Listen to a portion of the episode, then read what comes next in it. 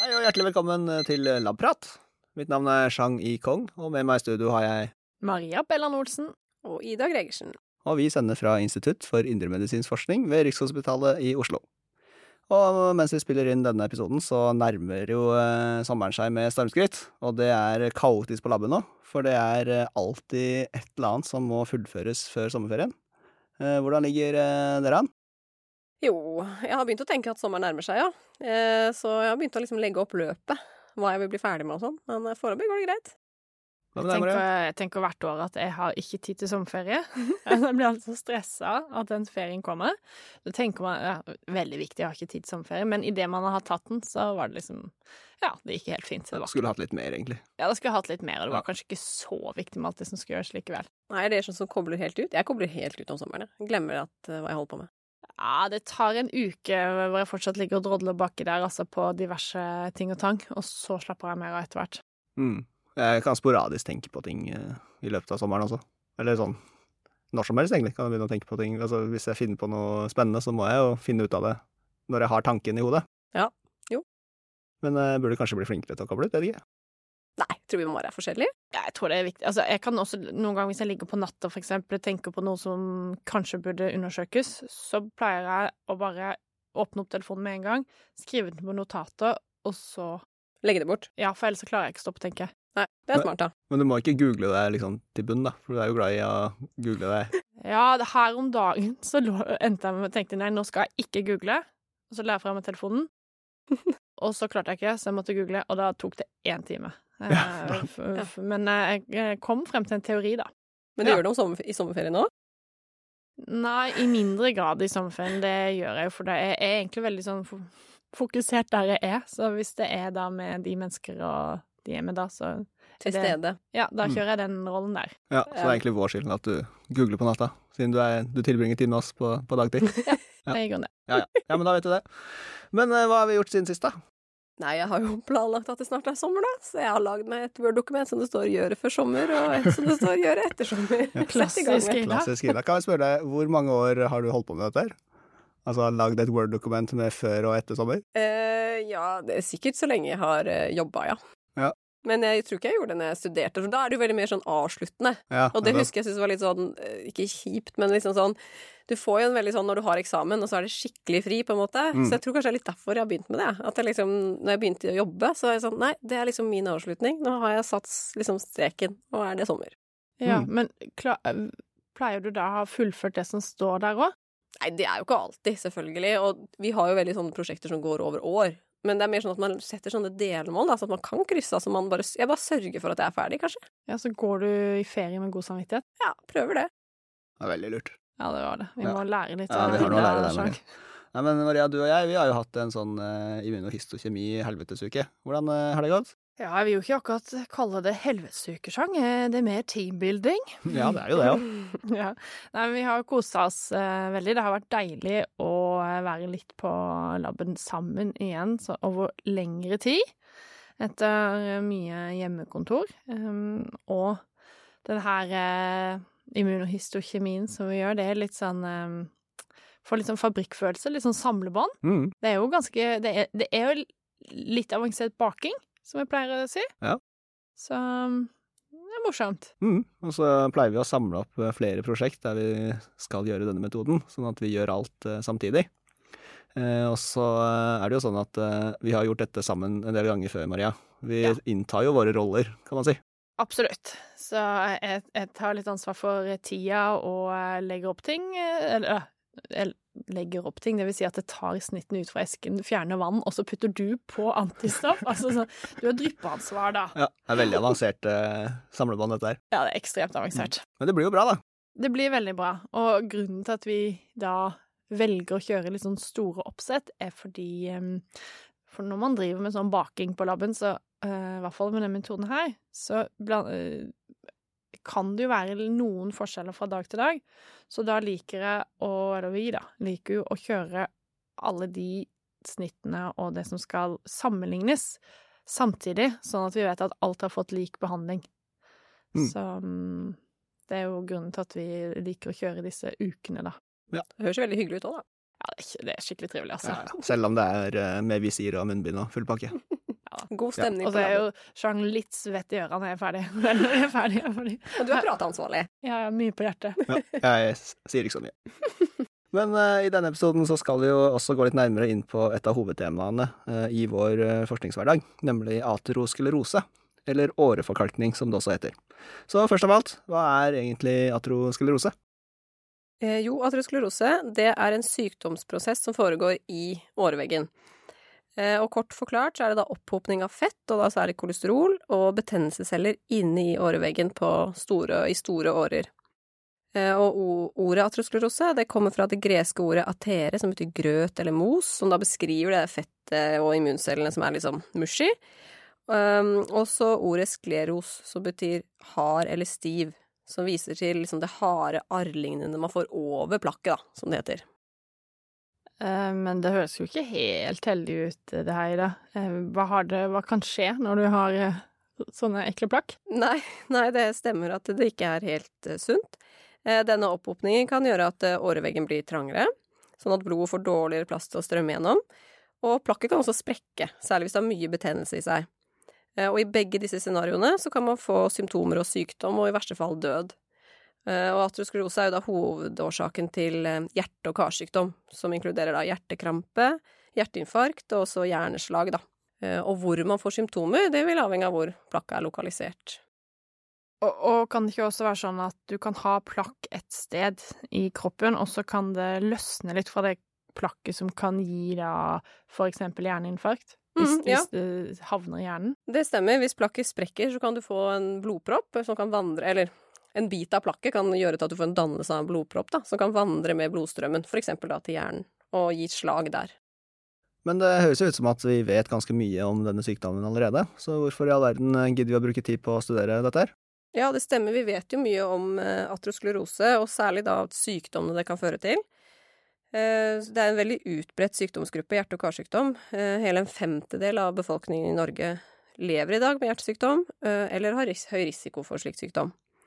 Og faktisk over en million nordmenn bruker legemidler for å enten forebygge eller behandle hjerte- og karsykdom. Så vi vet veldig mye Eller det er en veldig utbredt sykdom, så er, selv om vi vet mye, så er det viktig å vite mer. Fordi det er jo en sykdom som rammer veldig mange, eh, og vi ønsker jo å beskytte eh, befolkningen fra dette, da. Så både bedre diagnostikk og behandling er selvfølgelig ønskelig, da. Og da må vi inn i sykdomsprosessen. Mm. Uh, og du sier at det er veldig mange som har dette. Er det sånn at eh, vi er veldig mange som er i risiko for å utvikle denne sykdommen? Ja, atrosklerose er egentlig en vanlig del av aldringsprosessen, så det vil i stor grad avhenge av alder eh, og også gener. Um, men vi vet også at livsstil er utrolig viktig. Så for eksempel et eh, kosthold med mye mettet fett, røyking og overvekt er risikofaktorer for atrosklerose, da. Mm. Eh, kan jeg få lov til å komme med en liten eh, digresjon eh, her? Ja, gjør det. Ja, nei, altså eh, Vi har jo alle lest i lærebøker at uh, dette med mye fett i kostholdet, og derav også da i blodet, er en av de viktigste risikofaktorene for å utvikle atroskerose og hjerte-karsykdommer. Eh, Men for ikke så lenge siden så var jeg på en konferanse, og der var det en forsker som viste fram da en forhistorisk fisk, som er et sånt levende fossil som lever et eller annet sted i, i havet. Om denne fisken, den har altså ikke fettvev, så den klarer ikke å lagre fett i eh, fettdepoter, sånn som vi mennesker gjør.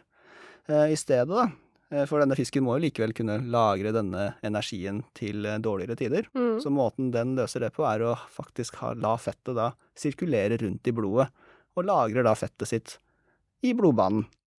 Så denne fisken har jo da kjempehøye nivåer av fett i blodet sitt, men allikevel så vil aldri denne fisken utvikle aterosklerose. Så det vi vet er at det er ikke bare fett som spiller inn eh, som en risiko. Er det ikke her immunsystemet kommer inn i dag? Jo, det, det stemmer, det. Og det er jo det vi, eh, vi eh, forsker mye på, da. Prøver å finne ut hva, hva immunsystemet og eh, hvordan den inflammasjonsprosessen også påvirker den her eh, atle- Mm, ja. Og vi ser jo, altså som du sier, så er det jo mange ting som spiller inn her. Og For å ta et eksempel fra um, historisk eksempel, da, så har man jo sett at i, i mumier fra liksom 3500 år siden, eh, de hadde også atrosklerose. Og da hadde man jo trolig ikke høyt kolesterol fordi man har spist fast food, men da tenker man at man hadde andre triggere da, som aktiverer immunresponsen, som kan drive ateroskleroseprosessen. For eksempel bålrøyk, som liksom da vil tilsvare litt sigarettrøyk i dag, Mm. kanskje. Eh, også infeksjoner, som de sannsynligvis hadde mer av enn det vi har nå, da. Så det er absolutt andre ting som kan påvirke her og trigge den kroniske betennelsen. Eh, og så vet man jo også at eh, det er mange individer som lever også i dag eh, på en måte på en, med en hjertevennlig livsstil, men som likevel også utvikler hjerte- og karsykdom. Og også motsatt. Mange som lever med et dårlig eh, kosthold og røyker og fysisk inaktivitet, men som aldri utvikler hjerte- og karsykdom. Så det er fortsatt mye vi ikke vet her, da. Det er jo en grunn til at vi er som vi er, sånn evolusjonsmessig, da. Så i hvert fall en sånn teori som jeg har hørt, som ga meg litt ro, da, var jo at, eh, at eh, karveggene våre, eh, og da endotelcellene i karveggene, de kan De reagerer jo på stress.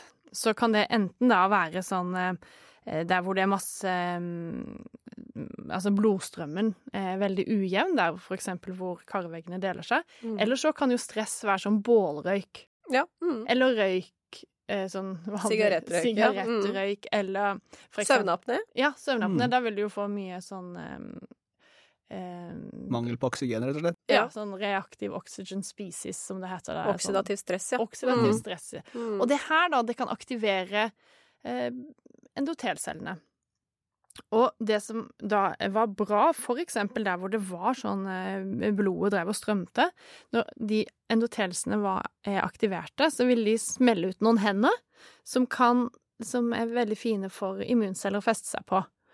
Og når de da immuncellene setter seg her, så kan de drive sånn overvåkningstjeneste og følge med om det kommer noen bakterier eller et eller annet ræl svømmende i eh, blodet som de kan angripe. Så, så det er en sånn evolusjonsmessig gunstig ting.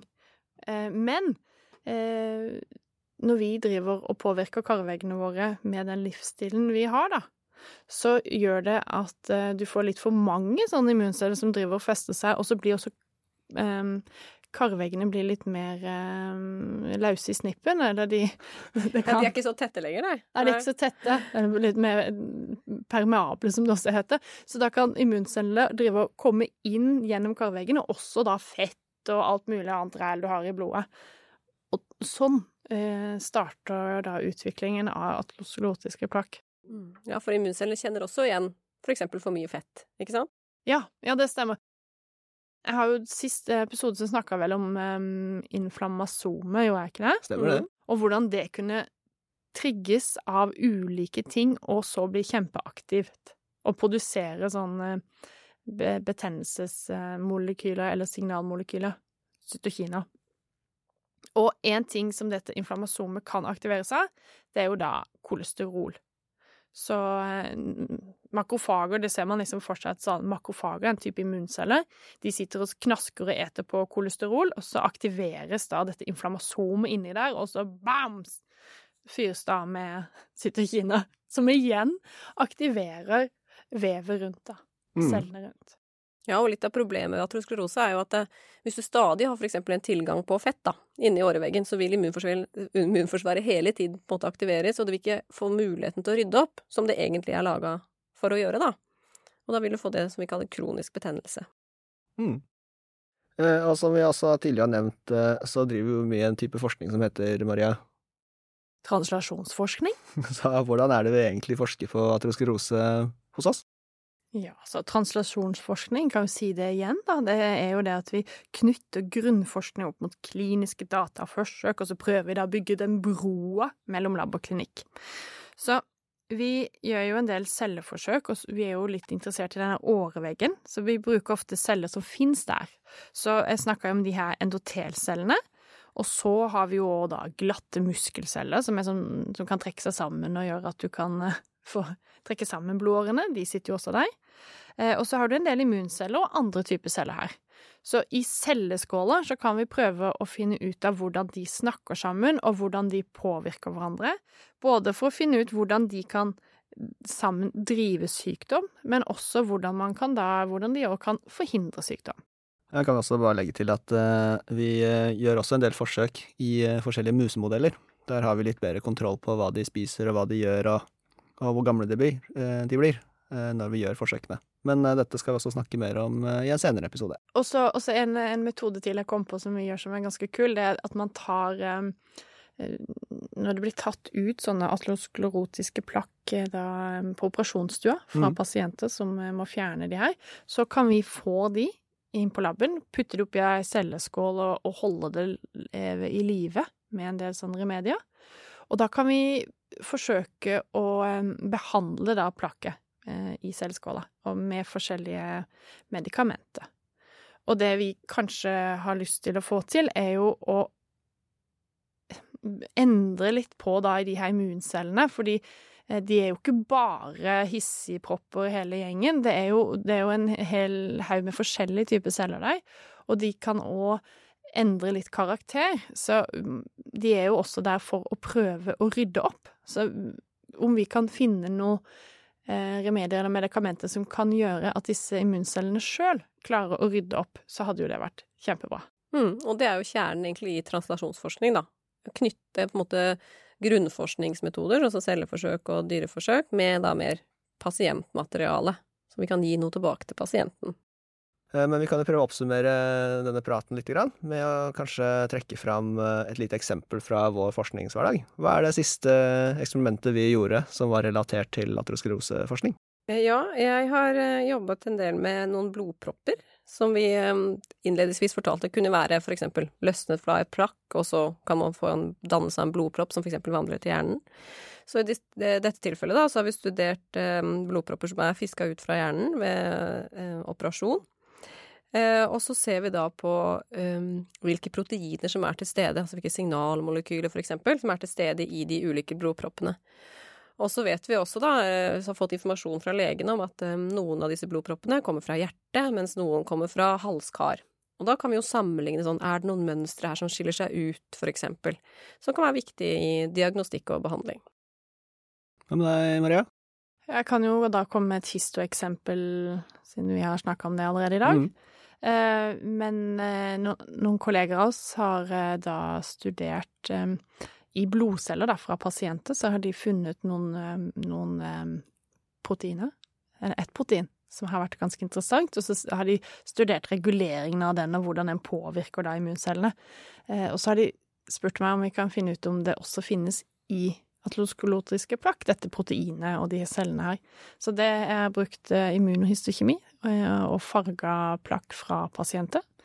Og eh, ja, jeg har funnet det. Ja, det er jo kjempebra. Eh, så det gjenstår litt for å finne eksakt hvilke celletyper det er, men det, det er da det siste jeg gjorde. Mm. Nei, selv så har jeg eh, utført noen dyreforsøk der jeg har studert effekten av å ta bort et gen, og se hvordan det påvirker da utviklingen av aterosklerose i denne musa. Eh, men det kan vi jo kanskje snakke om eh, en annen gang, dette prosjektet. Mm. Eh, men nå har vi jo kommet fram til episodens høydepunkt, og det er da Marias eureka-øyeblikk. Og jeg vet ikke om jeg tør å spørre om du har nitrogenoksid i dag, jeg? Nei, jeg har ikke det. Det er ikke det, nei. Nei, nei. nei. Hva er det du har googla deg fram til denne gang? Nei, altså på vårt institutt så har vi jo en gruppe forskere som er mektig dyktige på et felt som har utvikla seg stort det siste året. Og det er også et felt som er viktig for atlosklerose. Ja. Og det er da studier av mikrobiotaen vår. Hva vil det si? Vi har vel lært at sånn som opptil to kilo av kroppsvekten vår den består av mikrobiota, og det er da altså mikroorganismer som bakterier og sopp. Og våre kollegaer de studerer da tarmbikobiotaen opp mot eh, leversykdommer. Men det drypper jo på oss at de kan så himla mye, eh, så derfor har vi også undersøkt hvordan mikrobiota påvirker våre forsøksmodeller, som da er knytta til kardiovaskulær sykdom. Og en ting som er allerede litt studert eh, sånn generelt i, verden, er da hvordan denne mikrobiotaen i tarmen hvordan den påvirker metabolismen vår. Og Sånn de bakteriene du har i tarmen, de kan jo gjøre en hel haug med ting. Så når du spiser, så kan de em, gjøre De kan gjøre næringsstoffene tilgjengelige for oss, sånn at det blir lettere for oss å ta opp. Så det kan ha veldig mye å si hvilke bakterier du har i tarmen, for hva du ender opp med i blodet. Og det man har funnet ut, at spesielt den eh, mikrobiotaen og det du har de første leveårene, har jo mye å si, da, for senere utvikling. Mm. Men eh, relatert til det her, så var det et studie nå som ble veldig nylig publisert i New England Journal of Medicine. Og da hadde de da tatt nytte av den eh, forskningen her, og så har de laga et kosttilskudd basert på matvarer som skal legge til rette for eh, noen av de da, noen av de viktigste og de eh, mest nyttige bakteriene i tarmen vår. Og da ga de det her til eh, underernærte barn i tre måneder, og så fulgte de de opp i tre måneder etterpå. Og det som var så flott, var at det fungerte. De her barna de la mer på seg, de hadde en dobbel vekstkurve når de fikk det her eh, kosttilskuddet, og så produserte de mer av eh, protein, som var viktig for utviklingen av eh, hjerne og skjelett, og så fikk de også mer av de da gode bakteriene i tarmen. Jøss, så flott. Ja, jeg vet det, det var kjempebra. Eh, Og dessverre så er ikke det her kosttilskuddet noe som kan tas i bruk sånn helt ennå, fordi den produksjonsmetoden er ikke noe man kan lage sånn eh, Storskala. Nei. Nei. absolutt- nei. Men det her det lover veldig godt da for eh, fremtidig sultforebygging. Så det her var litt gøy. Ja, det var gladnyhet. Ja, det var kjempefin, Erika Maria. Jo, takk. Ja. Men uh, vi får vel uh, takke for oss for denne gang. Eh, og du og jeg, Maria, vi har jo fortsatt litt immunohisto å gjøre. Ja, så vi skal kose oss. Vi skal kose oss. Og Ida, du skal vel planlegge litt mer? Ja. ja. Men eh, inntil videre så høres vi. Det gjør vi. Ha det. Ha det.